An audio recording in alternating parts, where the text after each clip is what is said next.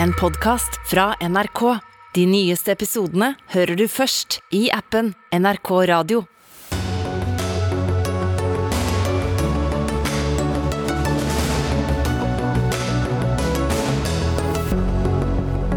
Norge vil bidra med 17 000 artillerigranater til Ukraina. Men eh, hvordan står det til med vår egen forsvarsevne, egentlig? Hvem tjener på det hvis bankene får bestemme mer over hvor mye du får i boliglån? Førstegangskjøperne, mener Finans Norge. Bankene skyver unge foran seg for å styrke egen fortjeneste, svarer Forbrukerrådet. Regjeringen vil mer enn halvere potten til frivillig skogvern. Helt absurd er dommen fra miljøvernere og skogeiere. Og Venstres landsmøte kan komme til å vedta lokalt og legalt salg av cannabis. I så fall blir vi latterliggjort, advarer en lokallagsleder i partiet. Og det er noen av overskriftene i dagens Dagsnytt 18. Sigrid Solund i studio. Og Først i sendinga skal vi til Brussel. Der møtes forsvarsministrene i Nato i dag og i morgen, og med et svært dystert bakteppe. Simen Ekern, du er Brussel-korrespondent i NRK. Hva er siste nytt? Akkurat nå snakker den amerikanske forsvarsministeren Lloyd Austin, og han startet sin tale med å si at vi er samlet her i dag fordi regler betyr noe. Eh, de er samlet for å forsvare en regelbasert eh, verdensorden, sier han. Og det er da etter en dag der eh, forsvarsministrene fra en lang rekke land, også flere land enn Nato-landene, har møttes. Og en av dem er For å, uh, Litt forsinkelser her, eh, Simen. Ja, ja, en av dem er for, vår egen forsvarsminister Bjørn Arild Gram. Eh, hva sier han om dette siste, om at Norge vil gi 17 000 artillerigranater til Ukraina? Ja, Han sier Ukraina er fornøyd med alt de kan få, at det er en vanskelig avveining. For Det er klart det Ukraina ønsker seg aller mest, eh, det er mer luftvern som kan beskytte mot eh, rakettangrep. Men de trenger eh, alt mulig utstyr, og ifølge Gram så, så var de takknemlige for den støtten og, og, og, det materiellet som de får. Og Så er det en utfordring for Nato-landene å, å gi det Ukraina trenger, samtidig som man også må passe på sin egen forsvarskapasitet. og og sørge for at eh, forsvarsindustrien klarer å produsere nok materiell. Eh, så det er en tredelt utfordring, sånn som eh, Gram beskrev det. Og Det skal vi komme litt tilbake til litt senere i Dagsnytt 18 også, men en annen av dagens nyheter er jo at den russiske presidenten Vladimir Putin sier at Russland er klar til å gjenoppta gassleveranser til Tyskland. Hva slags reaksjoner er det kommet på det?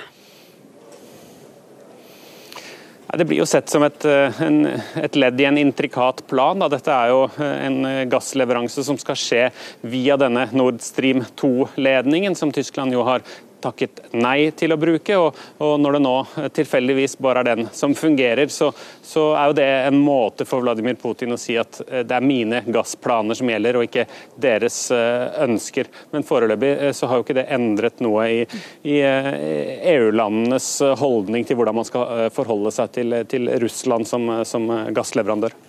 Det blir mer om forsvar og krig mot slutten av Dagsnytt 18. Takk skal du ha, Simen Ekern, for at du var med fra Brussel.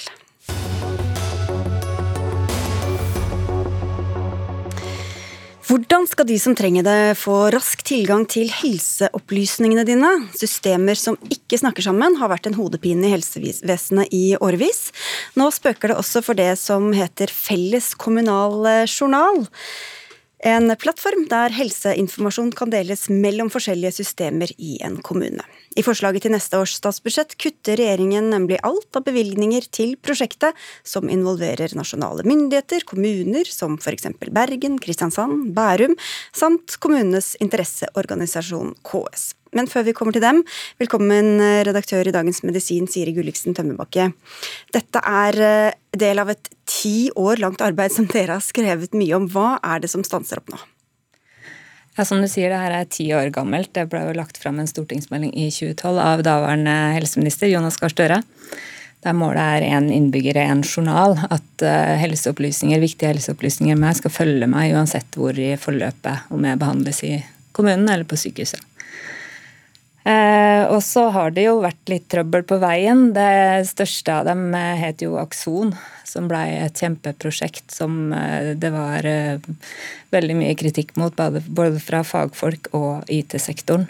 Akson ble jo begrava for halvannet år siden. Opp fra asken av Akson så kom jo det her Felles kommunal journal som en sånn full føniks. Ja, hva, hva, er det dette systemet, hvordan skiller det seg fra det andre?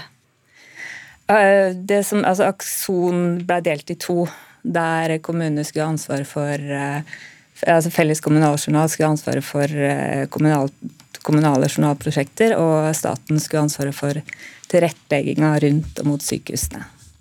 Og her er det bare, Dette er et uh, interkommunalt, eller altså noen kommuner bare som er med på dette prosjektet som, som nå stanser opp? da. Ja, Helse Midt er jo uh, et kapittel for seg sjøl. Der er jo Helseplattformen i gang med visse innkjøringsproblemer der også, men, men i gang. Ja. Og til også protester, så dette er ikke enkelt. Men hvordan er det uh, dagens system fungerer egentlig, eller ikke fungerer? Når du tenker på journalsystemer, så har det jo eh, tatt veldig lang tid. Og det mange nok eh, reagerer på i dag, er at det har gått veldig mange millioner kroner. Det har tatt lang tid, og det har ikke kommet noe særlig konkret ut av det felles kommunale journalprosjektet da, som skulle bli redninga etter Akson. Og det som har skjedd nå i statsbudsjettet, er nok at det her har blitt prioritert ned til fordel for andre ting. Det måtte noe bli. Og det tyder også på, tror jeg, at det ikke er noe særlig troa på prosjektet fra eh, politisk ledelse i dag. Men dere har fortsatt eh, troa. Kristin Weidmann Wieland, du er områdedirektør i KS, som altså representerer kommunene. Til nettopp Dagens Medisin så kaller du denne prioriteringen for samfunnsøkonomisk merkelig. Hva betyr det? Nei, Det handler jo rett og slett om at uh, man har jobba nå ganske intenst det siste året. Uh, på oppdrag egentlig fra både storting og regjering. Og dette er jo et helt annet alternativ enn Akson som ble gravlagt da i 2020. Uh, det er rett og slett Det handler ikke om ett system. Det handler ikke om å lage et gigantisk journalsystem for kommunene. Det handler om å tilrettelegge for en eh, stegvis utvikling, samordning, og uh, sørge for at man egentlig stegvis utvikler bedre løsninger i kommunene. Uh, og at man også stegvis utvikler hva skal jeg si, funksjonalitet som gjør at disse systemene kan snakke sammen. For det gjør det ikke i dag? Eh, det gjør det ikke i dag, og det er et stort problem for kommunene som bruker altså Helsearbeidere i kommunene eh, de jobber i ulike systemer som ikke snakker sammen, og det gjør at helsearbeiderne bruker mye tid på å lete etter informasjon. Og i tillegg så er det en utfordring for pasientsikkerhet og for samhandling med spesialisthelsetjenesten. Så det er jo det man ønsker å fokusere på her. Og så ønsker man å jobbe kommunenært. Det er kommunene som sitter i front på dette prosjektet. Det er masse gode kommunefolk som har jobba med dette. Og eh, nå, rett før man skal levere forslaget, som er utvikla i tråd med den helt nye innretningen som Stortinget ba om, så sanses det. Ja. Helse- og omsorgsminister Ingvild Kjerkol, jeg vet at det var et stramt budsjett og at du måtte prioritere hardt, men hvorfor stanse pengene i et såpass klart prosjekt? Nei, det Én ting er at det er stramt og man måtte prioritere, men eh, den regjeringa jeg representerer har også lagt om eh, politikken på dette feltet, hvor vi i større grad ønsker å bidra til at det skjer konkrete investeringer i bedre og mer moderne journalløsninger, og at vi henter de løsningene i leverandørmarkedet. Det er jo en av kritikkene mot eh, også Akson, som var forløperen. Eh, det har også vært en kontrollsak i Stortinget eh, om Akson-prosjektet, og der har jo Stortinget Men Dette er noe annet? Ja, men Stortinget har bedt oss om å klargjøre roller og ansvar. Og kommunene har ansvar for journalløsningene sine, og staten har ansvar for journalløsningene sine i sykehusene som staten eier. Vi jobber nå med å utrede en helseteknologiordning som skal bidra til at investeringer skjer raskere. Alt vi har lært siden stortingsmeldinga om én innbygger, i en journal, er jo at eh, sånne store offentlige eh, IT-prosjekter har en tendens til å krympe under sin egen størrelse og kompleksitet. Så vi ønsker en mer stegvis forbedring, og at vi tar i bruk et leverandørmarked som også har utvikla seg de siste ti årene. Også for stort og for hjemmesnekra, da, Wieland? Jeg vil faktisk si at jeg tror det forslaget som man ennå ikke har levert, man skal levere eh, utkast i november, kommer til å passe som hånd i hanske med regjeringens politikk. For det er nettopp dette å tilrettelegge for lokale investeringer, men på en sånn måte at eh, løsningene snakker sammen. Man ønsker Vet ikke regjeringen hva, dere har på trappene, da, eller? Nei, de har egentlig ikke fått presentert forslaget ennå. Så de, de, har vel ikke, de har ikke burde fått kanskje, anledning Burde kanskje sagt fram hva dere holder på med, da? eller? Vi har eh, gjort vårt beste til å kommunisere det, men jeg tenker dette, dette har på en måte gått litt fort på slutten. Og det har vært en krevende budsjettprioritering i regjeringen. Men det vi, eneste vi ber om, det er faktisk å få fullført det arbeidet med styringsdokumentet og forankring. Så heller ikke en halv milliard kronene som er brukt på dette, Kjerkol, bare er penger rett ut av vinduet? Ja, jeg må si at jeg er ikke helt enig med det som blir sagt her. Vi har faktisk hatt et eget seminar hvor vi har gått gjennom den, det arbeidet som er gjort i dette felles kommunal journal interimselskapet. Eh, og eh, det er viktig at vi bruker den, eh, det som er utvikla der. Vi mener jo at å få til en helseteknologiordning som kan være med å avlaste risiko for kommunene som må ta de her konkrete investeringene, er veien å gå. Og Der har man tenkt noe likt. Og så har de fått penger for i år. 2022 til å gjøre den jobben eh, som de er i ferd med å avslutte. Og de pengene ligger jo der. Ja, eh, dere kan jo gå videre med egne midler hvis dere har så stor tro på prosjektet? Bare for å eh, si det, Vi ber egentlig bare om å få beholde 20 millioner av penger vi allerede har fått. Vi ber ikke om noen nye midler fra Stortinget. Og da får vi fullført arbeid. Så hvis vi får beholde 20 millioner av de pengene vi har fått, så klarer vi å levere. Og da tror vi at det er et veldig godt utgangspunkt for helseteknologiordningen. Få en Dagens Medisin her også. Dømbakke. Ja, nå, var, nå, har jo regjeringa styrt på eh, Solberg-regjeringa sitt budsjett i et år, så det var jo eh, et, en, en, logisk eh, timing å rive av plasteret for et prosjekt før det går enda flere millioner og drar enda lenger ut i tid. Og så er det jo en del positivt med det her også, for jeg vet jo det at mange eh, leverandører har sittet litt på gjerdet og ikke ønska å investere, fordi man veit ikke hva kommunal eh, journal blir for noe. I Bodø f.eks. så har man gått sammen, eh, både sykepleiere, leger og, og, en leverandør, om å lage et nytt journalsystem fra scratch. Som de har investert en milliard kroner i. Og det å lage lage systemer som funker for den kommunen man faktisk bor og jobber i, eh, som så kan koble seg på et større system seinere. Det er måten å gjøre det på, mener fagfolk og mener leverandørene. Så investeringsviljen er tilbake eh, i aller høyeste grad. Da er det bare dere igjen som mener at dette er en god idé, da, Wieland i KS? Nei, Det tror jeg ikke. Vi har jobbet altså, nært med fag- og profesjonsorganisasjoner. Og Bodø kommune er jo en av samarbeidskommunene som ivrer for at dette skal bli en realitet. Det er viktig å ta med seg. Og det er fordi at de ser de trenger begge deler. Og dette er ikke noe som er istedenfor leverandørenes journalløsninger. Det er nettopp ikke sant, dette for å stimulere til næringsutvikling og innovasjon.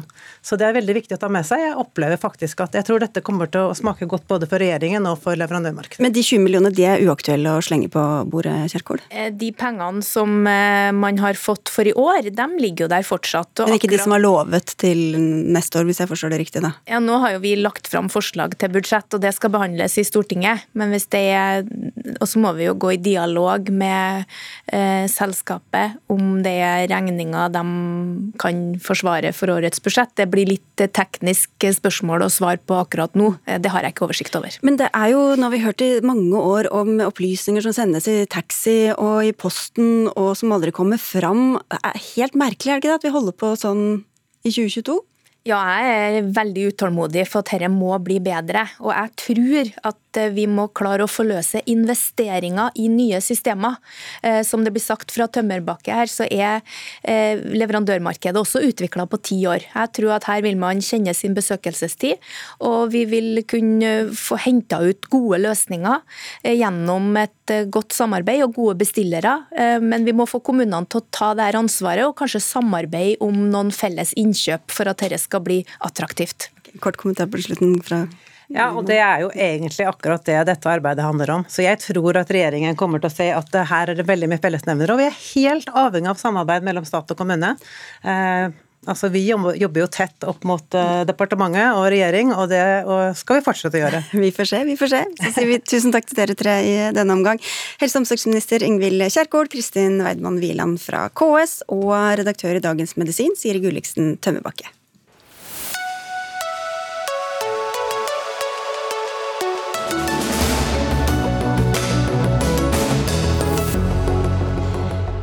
Krefter i partiet Venstre vil åpne for en lokal omsetning av cannabis på kommunenivå.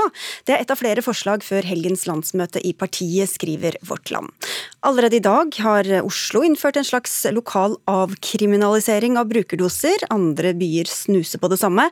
Men dette forslaget går altså mye lengre, og er med på å latterliggjøre Venstre, mener du, kommunestyrerepresentant for Venstre i Tana, Børre Steinar Børresen. Hvordan gjør det det?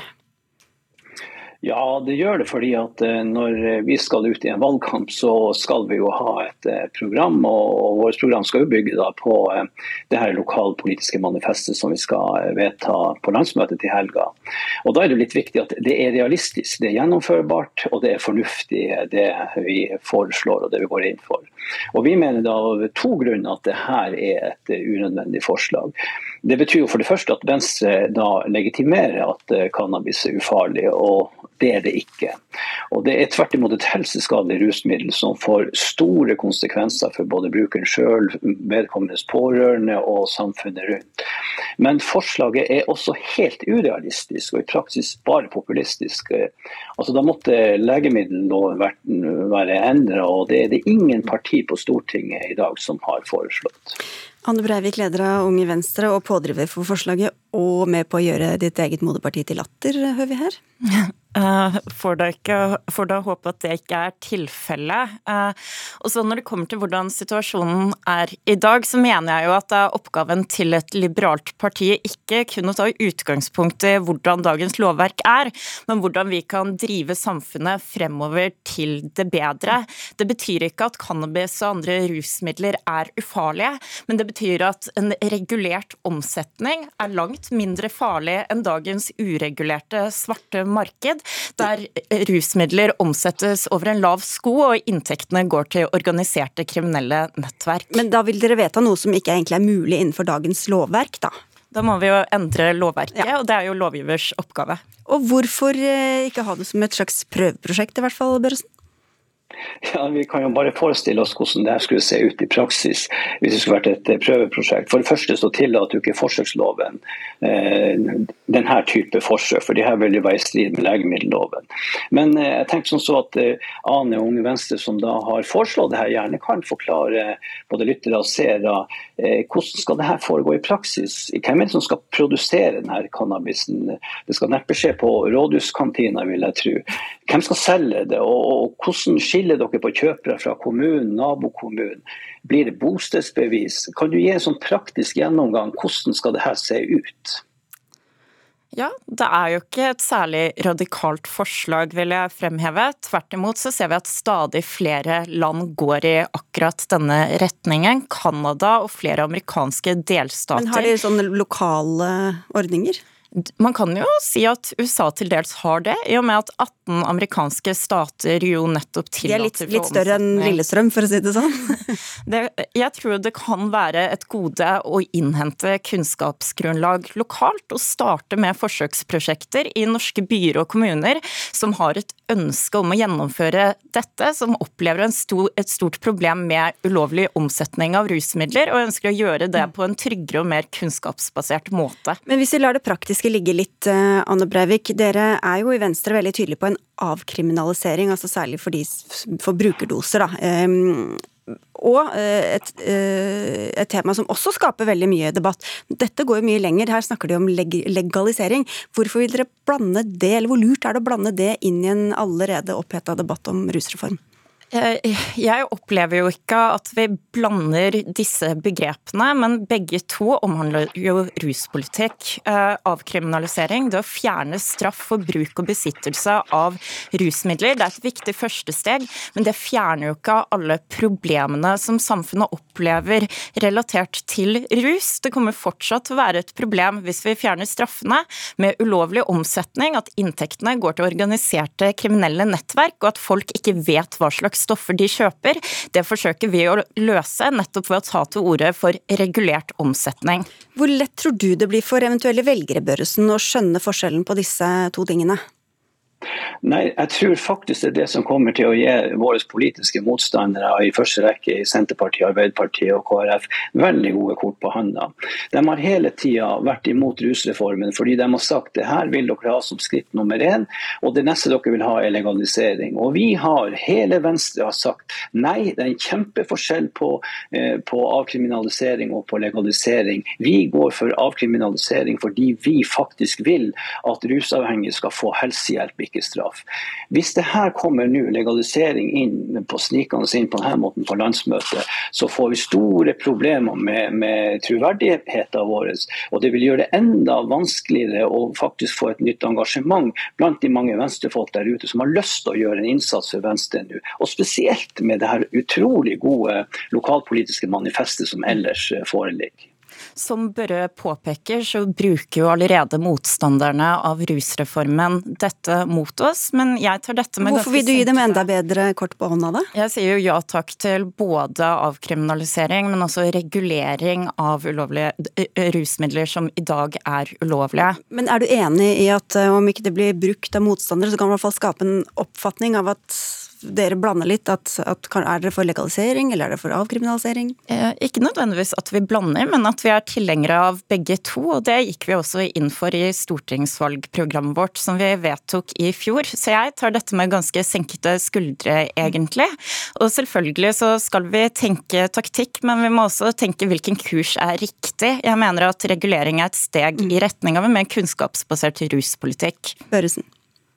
Ja, Ane og Unge Venstre har gjort en strålende jobb på det feltet som har med avkriminalisering å gjøre. De har fått voksen-Venstre til å forstå hvor viktig det er å hjelpe og ikke straffe. Og Det her tror jeg det er noe som er akseptert i mange partier nå, nemlig vi skal ha helsehjelp, ikke straff. Så Unge Venstre har vår fulle støtte på det, men ikke ta det til det neste skrittet og skape total forvirring om hva Venstres politikk er. Vi er ikke for legalisering, vi er for avkriminalisering. Det vil vise seg i helgen hva dere faktisk er for. Vi fikk i hvert fall eh, argumenter for og mot eh, dette forslaget. Takk skal dere ha begge to. Eh, Ane Breivik, leder i Unge Venstre, og Børre Steinar Børresen, kommunestyrerepresentant for Tana Venstre.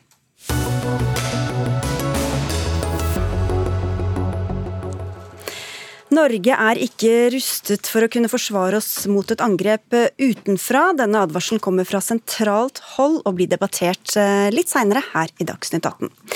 Men hvem skal eh, bestemme hvor mye du får i boliglån? Er det banken eller er det staten? I dag har vi en boliglånsforskrift som regulerer eh, hvor mye bankene kan gi hver kunde i boliglån, avhengig av lånesøkernes inntekt og totale gjeld. Men nå når renta er på vei opp, så reduseres behovet for denne type regulering, sier du i Dagens Næringsliv, Erik Johansen. Du er direktør i Finans Norge, som er interesseorganisasjonen for norske banker. Forklar hvorfor dette henger sammen. Altså Forklaringen er at eh, denne reguleringen kom på plass i en situasjon hvor eh, renten var lav, eh, og utsiktene til lav rente, altså det var utsikter til lav rente lenge. Og Det fyret ikke overraskende gjeldsutviklingen, og det var en bekymring som finansnæringen delte. Nå er, som du sier, renten på vei opp. Levekostnadene er også på vei opp. Og vi tar da til orde for at det er iallfall slik at det reduserer behovet for den type regulering. Altså Folk kommer ikke til å søke om så høye lån som de ellers ville gjort? Altså det, det Bankene, gjennom, bankene, har jo sin egen kredittvurdering, eh, og etter vår mening da en forsvarlig og grundig kredittvurdering. Så det er jo ikke slik at hvis denne reguleringen opphører, så vil det bli et tomt rom. Det er slik at bankene eh, har ansvar for den kredittvurderingen de gjør. Og, og, denne type reguleringen har en, et slektskap vil jeg si, til den kredittrasjoneringen som vi hadde la oss si, før 80-tallet og som etter hvert ble forkastet. og som en, som en, som en, en type rasjoneringsøkonomi som, som, gikk ut av moten, da, eh, la oss si på 70-tallet. Jørge B. Jensen, du er fagdirektør i Forbrukerrådet. Hva syns du om dette forslaget? Eh, nei, Jeg syns det, det, er en dårlig idé, og så syns jeg timinga for den er dårlig.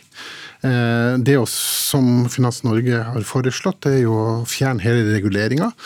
Eh, og det mener jo vi ikke er tid for det. Eh, det vi er bekymra for her, det er jo at gjeldsgraden i husholdningene vil stige.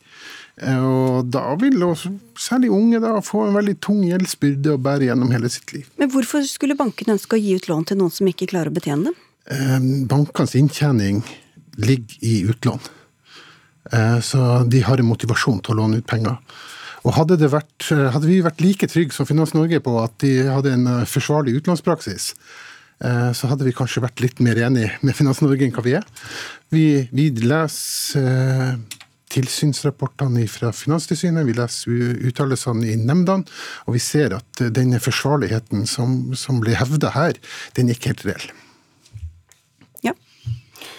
Ja, og for det første så har jo, altså Vi har egentlig ikke tatt til orde for en avvikling, men vi har vi, Du sier at høyere renter gjør at ansvaret for utlån bør fullt ut tilbakeføres ja, til bankene? Så, så på et eller annet tidspunkt på en høyere rente. Denne, denne, reguleringen var ment å være midlertidig. Den var alltid ment å være det, og den er gjenstand for en vurdering som skjer akkurat nå.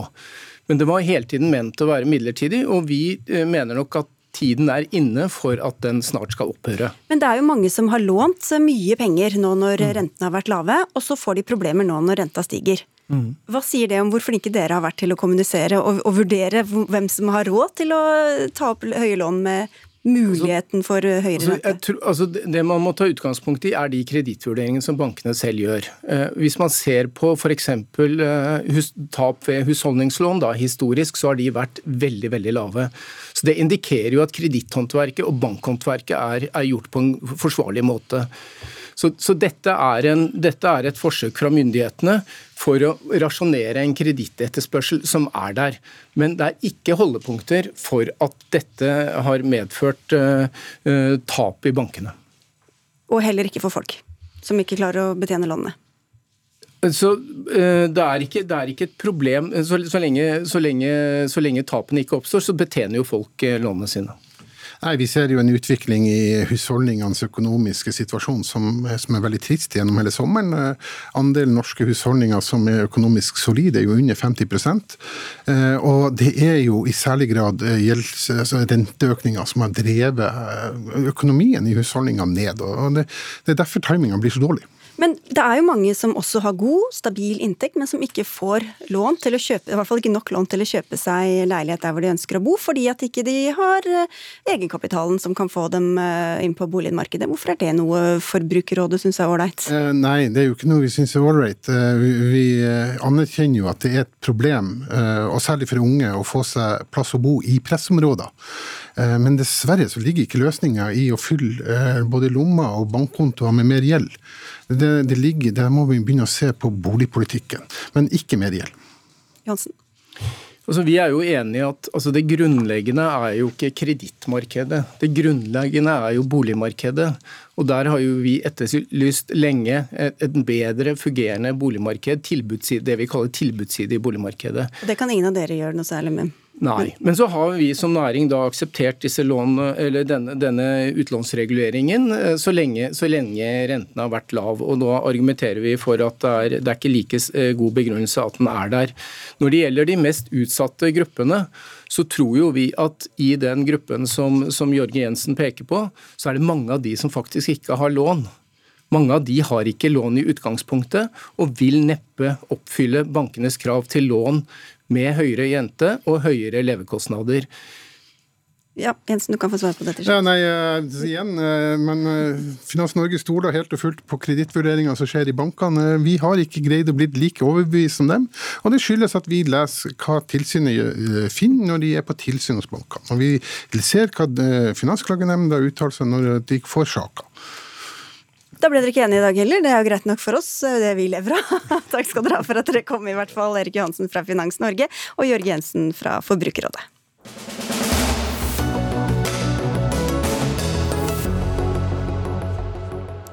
I 20 år har skogeiere som frivillig verner skogen sin i stedet for å hugge den, kunnet søke om skattefri kompensasjon. Det kommer færre til å få framover, for nå vil regjeringen mer enn halvere den årlige potten til frivillig vern til 200 millioner kroner i neste års statsbudsjett. Både skogeiere og miljøvernere raser, som det heter. Vi har dem begge med her. Men dere kaller det en politisk seier, Geir Pollestad. Du sitter på Stortinget for Senterpartiet, hvor du også er parlamentarisk nestleder. Seier? Vi har jo lagt fram et eh, budsjett som er veldig stramt, der vi har vært nødt til å kutte på mange områder. Eh, og da er det, I den sammenhengen så er det naturlig at det, skogvernet, det frivillige skogvernet får et uh, kutt. og Det er vel et uttrykk for at det ikke er det. det er Politisk seier er noe litt annet. Det er ikke det kuttet som smerter mest Nei. for oss. og jeg tenker også at det kan være greit å være, gå gjennom de prosjektene som en verner, og de skogene som en verner, for å være sikre på at faktiske vernet sikrer noen verneverdier, og at en ikke blir så opphengt i prosent og hvor mye en måler, som det en har vært så langt. Arne Røre, administrerende direktør i eh, skogeierorganisasjonen Norskog. Et lite smertelig kutt og seier hører vi fra Pollestad her. Hvilke ord bruker deres medlemmer? Eh, ført bak lyset, kanskje. Eh, det er jo litt spesielt, syns jeg, å kalle det at du ikke gjør opp for den avtalen staten har inngått med grunneierne, at du ikke betaler for en inngått avtale, vanskelig å se på det som en politisk seier. Jeg kan være enig i Bollestad når det gjelder å se framover i tid. Eh, og at man ønsker et mest mulig effektivt vern. Men det er altså en rekke avtaler som er inngått mellom staten og private grunneiere. Folk har ventet på, Enkelte har vært i prosess i seks år, ventet på pengene. En del har signert avtale for tre år siden, venter fremdeles på pengene. Og da er det å ikke gjøre opp for seg, det er vanskelig å se på som en politisk seier. Ja, Avtalebrudd kan man kanskje heller kalle det, det, Polstad? Denne ordningen har vært avhengig av eh, politiske bevilgninger, bevilgninger over statsbudsjettet. Eh, og så er det helt naturlig i den situasjonen som er med budsjettet nå, at vi må finne plasser å redusere eh, kostnadene. Vi avvikler ikke ordningen. Den vil bli Men hvis det er avtaler som er gjort og penger som ventes på, hvorfor hvordan kan det ikke betales ut? Jo, men Vi har ikke noe plikt om å gjøre opp de dette året, men denne ordningen vil bli videreført dette året òg, med et lavere nivå. Og så vil den òg komme i de kommende årene. Så får vi framover se og være mer kritisk til hvilke avtaler inngår en. For det en må sikre når en bruker offentlige penger på å eh, verne, det er at en sikrer at det er reelt sett verneverdig skog som blir eh, verna. Og ikke alt mulig, Røra? Her har jo statens egne representanter foretatt uh, vurderinger av verneverdiene i disse områdene. Så Det har de jo selv gått god for, og det har også våre biologer uh, gått god for. Dette er områder som er verneverdige, og en del er i prosess. Så det er jo egentlig ikke det det dreier seg om. Det dreier seg om egentlig å gjøre opp for seg, slik at man får en fremdrift. Etter. Men det vi også er veldig bekymra for, det er at det, har, det med frivillig vern av skog har vært en suksess. Eh, grunneierne har stilt opp med områder til vern, har tatt et ansvar. Når man nå ser at eh, disse avtalene sendes ut på en ørkenvandring, så er vi veldig redd for at interessen for å stille opp rundt vern i framtiden vil avta. Du skal få svare, Polstad. Vi skal få inn deg også, Trude Myhre. Du er skogbiolog, jobber for Verdens naturfond, eh, WWF. Eh, et lite smertelig kutt, sånn føltes det kanskje ikke i din eh, ende? Nei, absolutt ikke. Dette er jo veldig dramatisk. Budsjettet er jo allerede altfor lite til skogvern, så vi trenger jo mye, mye mer. En dobling hadde jo vært mer på sin plass. Vi er jo midt i en natur- og klimakrise, og regjeringa lova jo at natur og klima skulle være rammen rundt all politikk. Og Det er det vanskelig å se spor av dette budsjettet. Og så kutter de jo, i motsetning til det Pollestad sier, de kutter jo der det, der det svir aller mest. Fordi at skogvern er jo rett og slett den sikreste posten for å bevare trua arter og naturtyper i Norge. Men er, gjelder, det all skogen som, gjelder det all skogen eh, som, som blir verna gjennom frivillig vern? Ja, alle områdene som har blitt verna som naturreservat, har veldig høye kvaliteter. Det er mange som blir avvist fordi de har lave kvaliteter, og de kommer jo ikke med.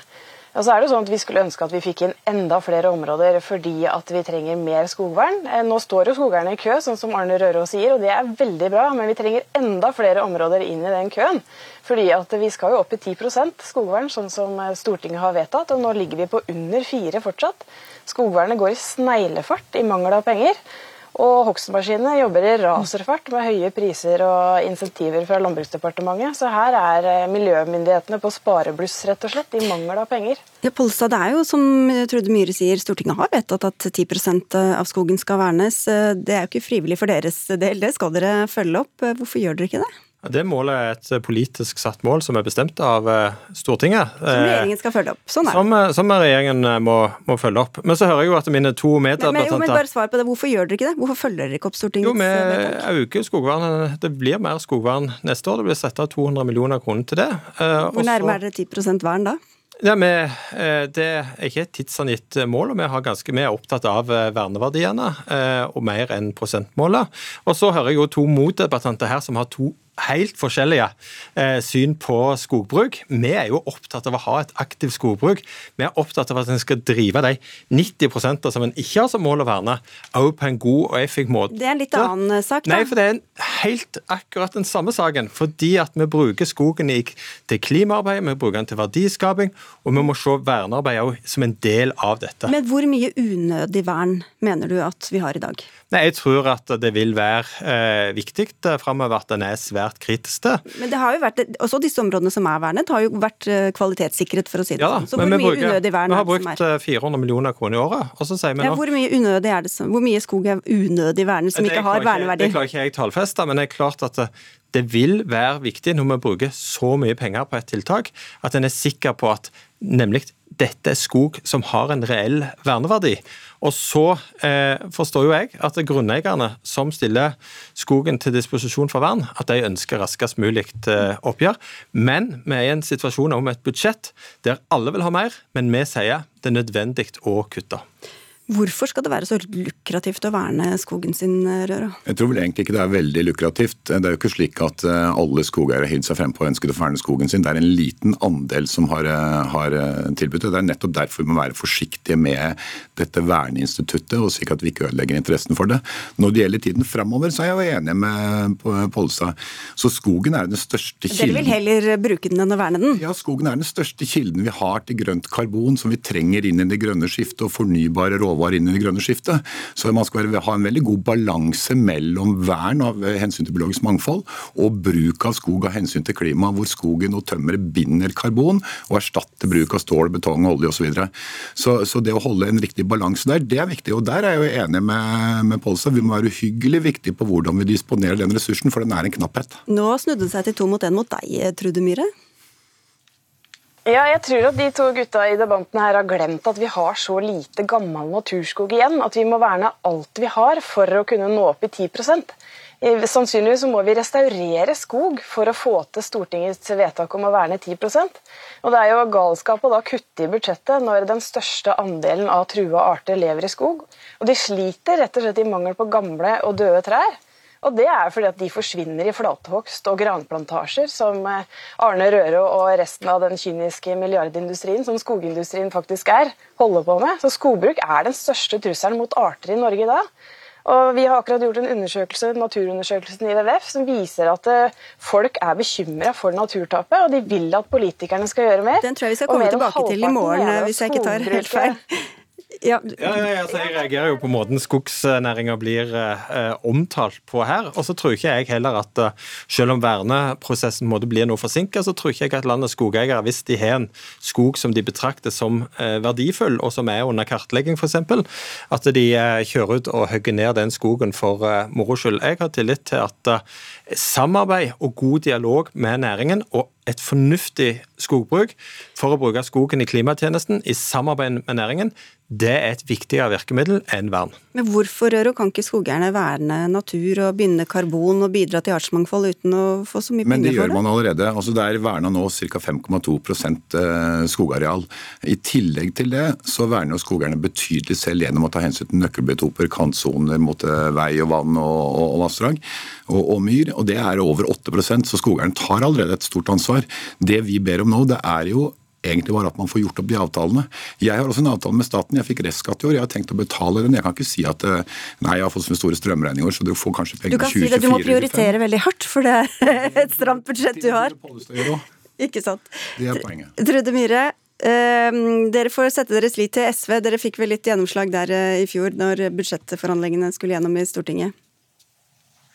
Ja, dessverre så fikk vi bare reversert kuttet, og da er vi på en måte like langt. Vi trenger jo å øke skogvernbudsjettet til minimum en milliard i året for at skogvernet skal få rask og rettferdig erstatning. Det er jo sånn at alle er enige om skogvern, utenom Pollestad og Senterpartiet, mens det eneste som mangler, er pengene. Jeg tenker at eh, Skogeierne skal ikke sitte og vente i seks år for å få betalt når de er så flinke at de faktisk tilbyr områdene til staten Det går på vern. hvilket nivå vi skal ha, et fornuftig nivå på vernet. Og det får bli siste ord. Takk skal dere ha alle tre. Geir Pollestad fra Senterpartiet, Arne Rørå fra Norskog og Trude Myhre fra WWF.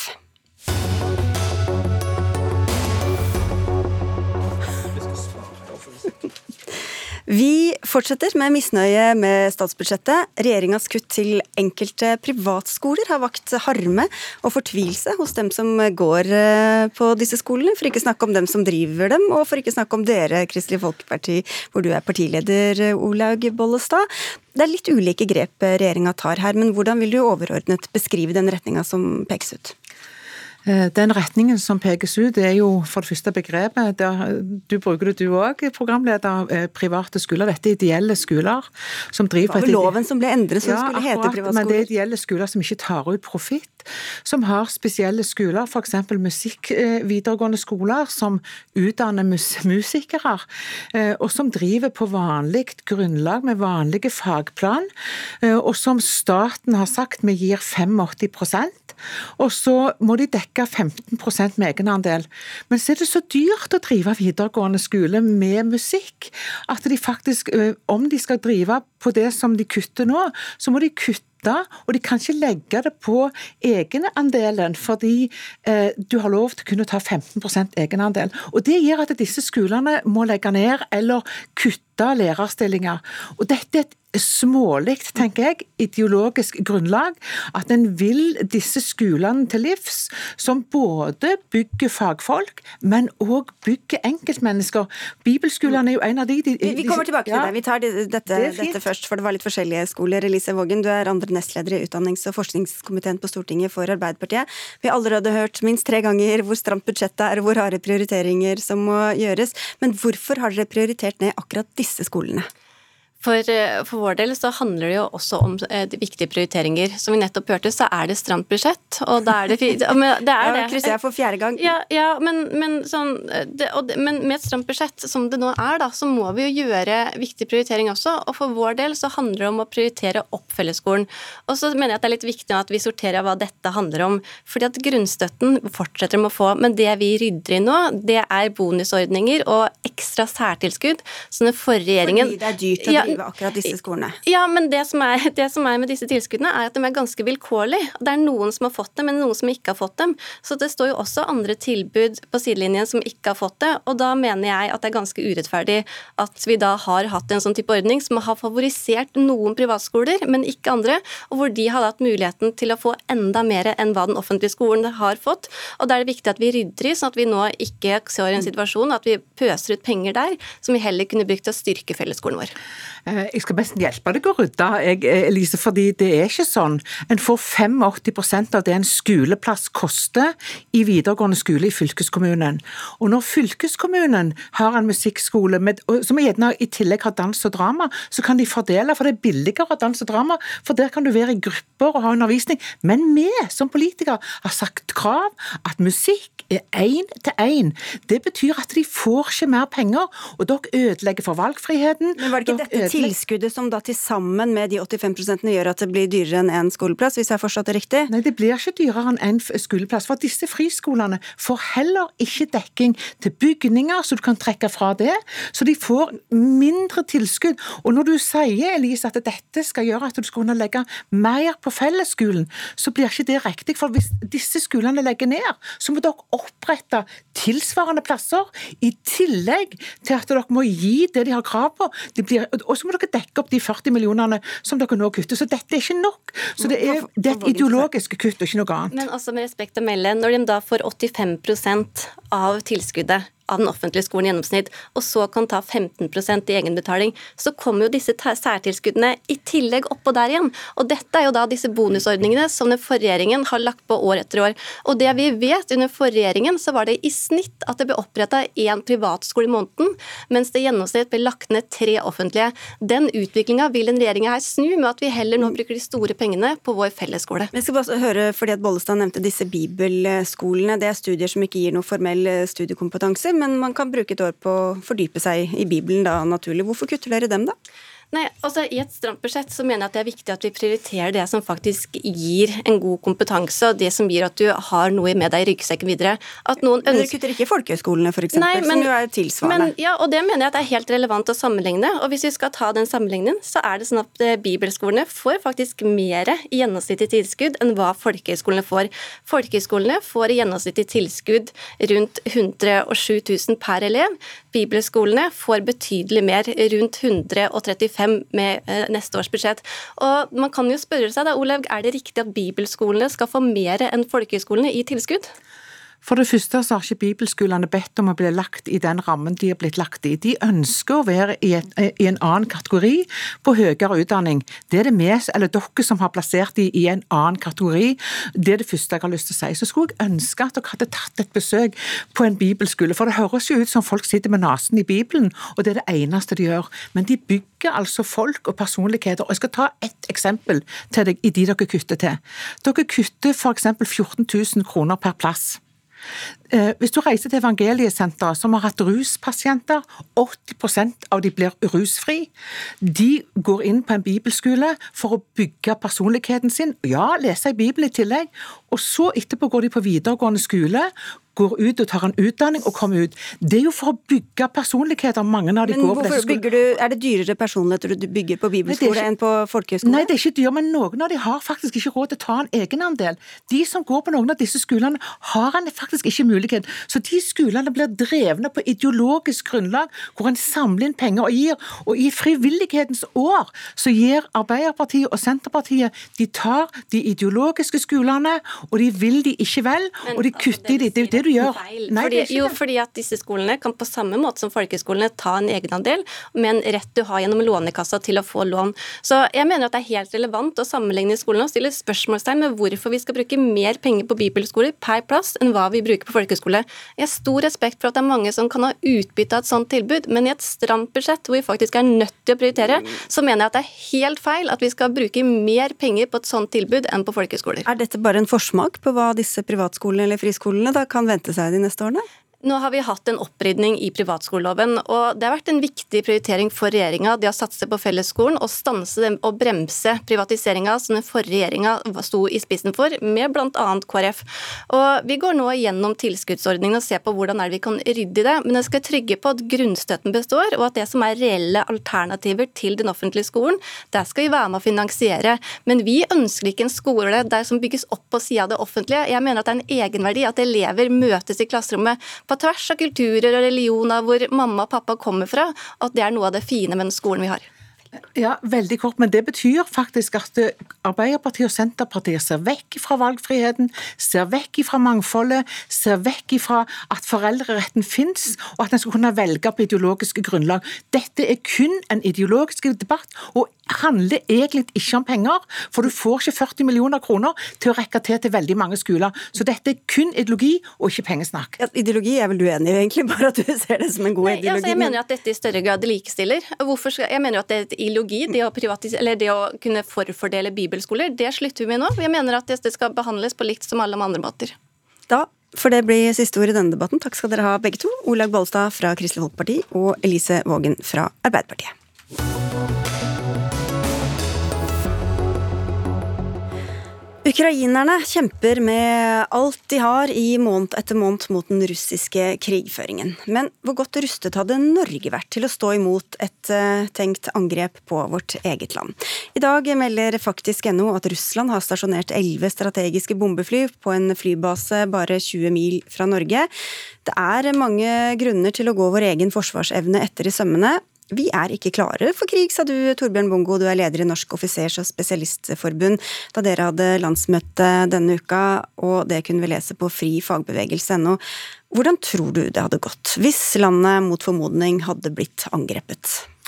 Jeg tror vi hadde ytt motstand. Det hadde vi gjort. Det har jeg så stort tiltro til dem som jobber i Forsvaret. Men vi har noen åpenbare utfordringer. Grunnen til jeg dro en konklusjon i går om at jeg mente vi ikke var klare til krig, det er for at vi har store mangler. Vi mangler ammunisjon ganske mye. Vi mangler reservedeler.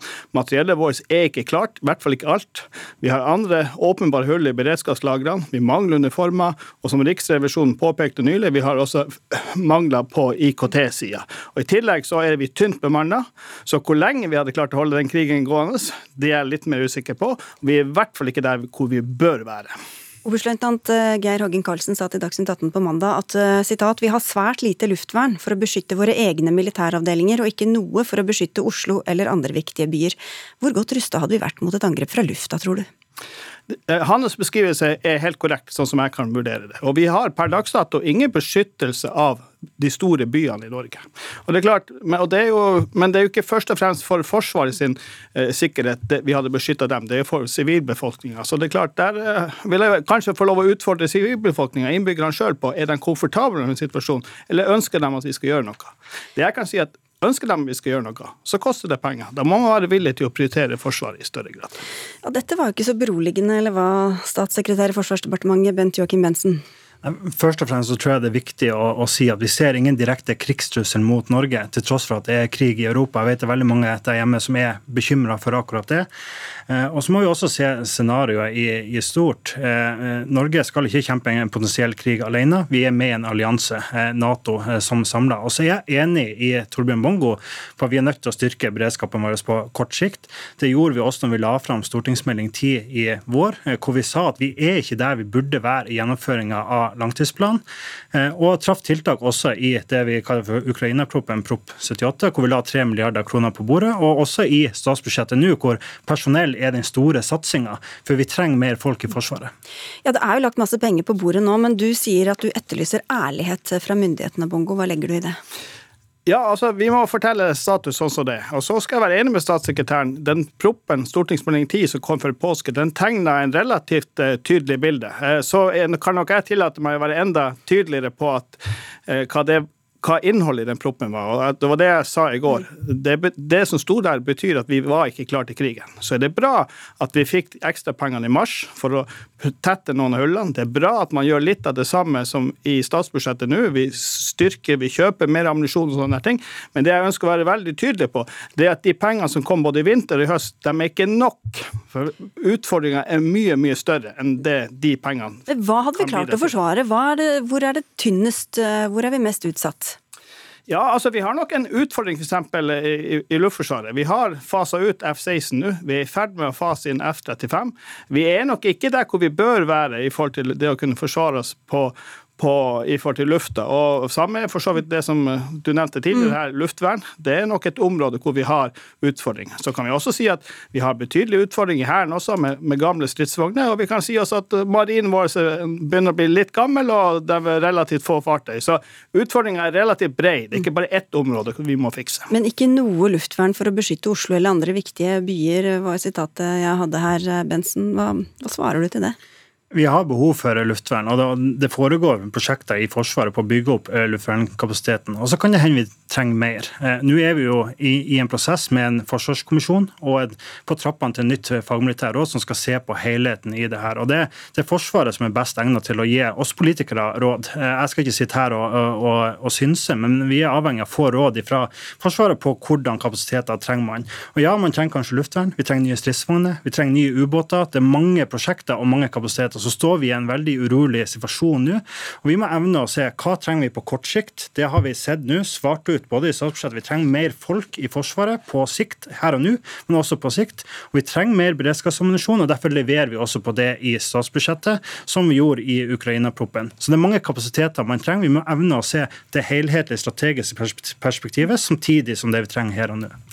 Vi får med oss også deg, Gjermund Forfang Rungved. Du er førsteamanuensis i økonomisk historie ved Høgskolen Innlandet og redaktør av boka 'Totalforsvaret i praksis'. Nå har vi hørt det fra militært hold her, men hvis det, og vi skal ikke skremme noen her, vi tror heller ikke at det blir krig eh, med det første, men hvis vi skulle bli angrepet, hvor godt rustet er totalforsvaret vårt da? Ja, det, det, er ikke, det, er ikke, godt å si. Altså, bare si sånn totalforsvaret er eh, Det er mange som ikke vet helt hva det er. og Derfor tenker jeg det kan være greit å bare si det. At det er liksom den gjensidige støtten og samarbeidet mellom sivil og militær sektor for å utnytte hele samfunnets ressurser. Og Det er jo ganske viktig å være beredt. og Det er jo sånne ting man også ser i Ukraina nå. Det er jo ikke bare eh, kuler og krutt, som man sier. Det er eh, også hele samfunnet og hele sivilsamfunnet. Og hvor godt beredt vi er, det er vanskelig å si, for det dreier seg litt om krisen som rammer. Og totalforsvaret har blitt stadig bedre gjennom krisene man har møtt, og som gir lærdom. Men det vi har sett gjennom denne boken, da, eh, Totalforsvar i praksis, er at det er enkelte utfordringer, eh, ikke minst som f.eks. gjennom koronapandemien. Eh, legemiddelberedskap ligger jo ganske langt fremme. Det er et, et totalberedskapsområde som antagelig er ganske svakt, og her må det gjøres ting. Eh, det er mye snakk om matvareberedskap i det siste, ikke minst etter eh, med, med Ukraina-krigen og dette med, med, verdens kornlager. Eh, der er det også noe. I Norge har man operert med at dette skaffer vi markedet hvis vi trenger det. Og Da tar man ikke høyde for at global forsyning kan bli avsperra, f.eks. Og Det er noe vi har erfaringer med gjennom napoleonskrigene, gjennom første verdenskrig og til dels andre verdenskrig. Vi skal få en bongo her også. Ja. Ja, da, og her er et godt poeng. Altså, det, når vi skal være beredt, så er ikke det bare Forsvaret som må fungere. Vi må også ha alt det andre. Vi må ha mat, vi må ha reservedeler, vi må ha olje, vi må ha drivstoff også til å drifte det her. Så klart, hele samfunnet må stille opp. Eh, og Det er jo også satt ned en egen bered, totalberedskapskommisjon som skal se og vurdere det her. Så eh, vi også i Forsvaret ser at resten av samfunnet må fungere hvis denne krigen blir en realitet, og hvis vi må trå til. Rongve, du snakker også om psykologisk forsvar forsvar. Hva ligger i det? Jo, det er altså Dette er jo sånn begrep fra, fra de glade Gerhardsen-dager og kalde krigens totalforsvar. Man snakket om eh, psykologisk beredskap. Altså rett og slett at sivilbefolkningen er bredt. Eh, og Det snakket jo Bongo også helt innledningsvis her. og Det, det er en ganske sånn sentralt element. Igjen, vi kan trekke eh, linker til Ukraina-krigen. Dette med at eh, man samles om flagget og at man ikke lar seg påvirke av russisk da, eh, eh, påvirkningsoperasjoner og sånne ting. Men, men, også så konkret som hva, hva gjør man? Altså disse DSB-brosjyrene med, med, hva man skal ha i huset sitt. Eh, hva gjør man? Hvilken funksjon har man? Hvor går man hen? og alt dette her. Alt det er en del av en psykologisk beredskap. Og, og, det, og det, er, det, er, et viktig element. Hvordan jobber myndighetene med det, Rongven? Nei, altså... Nei, unnskyld, Bensen mente jeg. Takk. Eh, det er jo et, et, sammensatt felt som går over flere departementer. og For, for Forsvarsdepartementet så er jo totalforsvaret en av grunnpilarene i, i, det helhetlige forsvaret av Norge. Norske soldater er ofte ikke sterkere enn de eh, lokalsamfunnene som de skal operere i. Det ser man i Ukraina, det ser man fra, fra, fra, tidligere konflikter også. For, for, for mitt vedkommende så vil jeg oppfordre folk hjemme til å sette seg inn i DSB sine, sine plansjer på hva man man trenger av, av, av ting. Og så, er det viktig å, å påpeke at eh, som, som, som, vi diskuterer, at Nato som en allianse har jo egentlig aldri vært mer sterkere, vært, vært mer samkjørt så, som man er nå. Og Nato er jo klar til å, å forsvare hver tomme av alliert territorium. Tida løper her, men nå, vi hadde jo ikke trodd at vi skulle sitte i den situasjonen vi er i, i nå i eh, Europa. Er det lett å bygge opp et forsvar basert på dagens situasjon, uten å tenke hva som muligens kan komme om 10-15-20 år? Det, er et veldig viktig poeng, for man må se på hva trenger man akkurat her og nå. Hva, hvilke erfaringer kan man trekke fra det vi ser i Ukraina i dag? Vi ser svekka konvensjonelt eh, med Russland. Så det vil si at de vanlige eh, militære styrkene er svekka, og de nukleære kapasitetene blir da eh, viktigere. Så eh, vi, vi, er nødt til å se det som skjer nå, samtidig ha det strategiske perspektivet. og Der er fagmilitært råd og langtidsplan et viktig eh, milepæl. Ja, Rogve, vi har jo vært gjennom noen kriser. Det har vært terrorangrep, det har vært pandemi. Hver gang har vi fått kritikk for at vi ikke har vært eh, forberedt. Lærer vi noe utover bare akkurat det vi gjør i hver enkelt eh, krise? Uh, ja, altså det, det er, vi, blir jo stadig bedre. Vi er bedre enn vi var før tsunamien i 2004. Vi er bedre enn da vi var før 22.07. Og vi er forhåpentligvis bedre før, da vi var før pandemien. Så det skjer jo stadig ting, men vi forbereder oss på, ofte på det som har skjedd og lite på For vi vet jo ikke hva som skjer, og det er jo den store utfordringen. Og det så ja. Mm, det forsvaret vi har i dag, det er resultatet av det vi bestemte oss for 10-15-20 år siden. Så det vi har i verktøykassa om 15 år, det er det vi bestemmer oss i dag. Og da må vi forberede oss på det på en måte uforberedte. Det skal vi gjøre med flere folk og mer eh, beredskap. Da fikk du et ord på slutten. Takk skal dere ha, alle tre. Torbjørn Bongo, Gjermund Forfang Grongve og Bent Joakim Bensen. Dagsnytt 18 er ved veis ende. Det var eh, Magnus Bratten som hadde ansvaret for eh, innholdet. Ida Larald Brenna hadde det tekniske ansvaret. Mitt navn er Sigrid Solund. Vi ses og høres igjen i morgen.